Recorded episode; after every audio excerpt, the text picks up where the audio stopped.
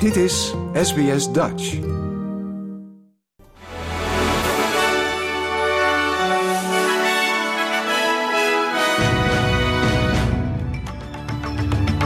Dit is de SBS Nieuwsflits van woensdag 20 september. Mijn naam is Paulien Roesink. De uitkeringen van meer dan 5 miljoen Australiërs zijn omhoog gegaan. Mensen met JobSeeker, Youth Allowance, All-Study, App Study en een Youth Disability Support Pension ontvangen een extra 40 dollar per twee weken, naast de 16 dollar verhoging als gevolg van de indexering. In Sydney zijn twee mannen gearresteerd wegens de vermeende moord op een belangrijke onderwereldfiguur.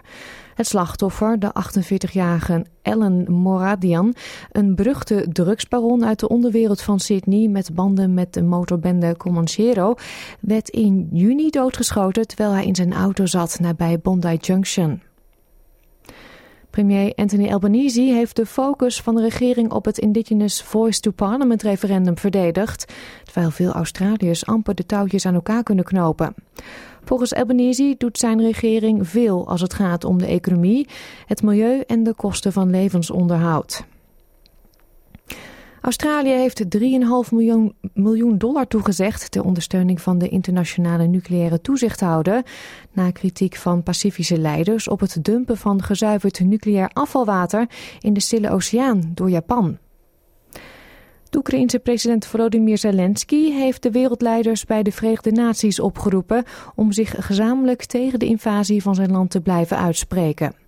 Zelensky kreeg applaus toen hij plaatsnam achter de microfoon van de Algemene Vergadering van de Verenigde Naties in New York. Het was voor het eerst dat, dat, hij de vergadering in persoon bijwoonde sinds het begin van de Russische invasie in februari 2022. De Wereldgezondheidsorganisatie heeft gewaarschuwd voor een uitbraak van ziekte in Libië na de catastrofale overstromingen vorige week waarbij duizenden mensen om zijn gekomen. Mensen in beschermende pakken zijn in opdracht van de Libische regering begonnen met het ontsmetten van de straten van Derna om uitbraken te voorkomen. Tot zover deze nieuwsflits. Volg de SBS Dutch podcast voor meer nieuws en achtergronden of bezoek onze website www.sbs.com.au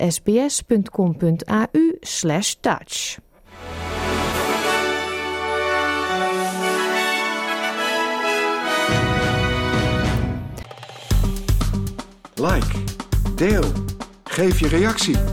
Volg SBS Dutch op Facebook.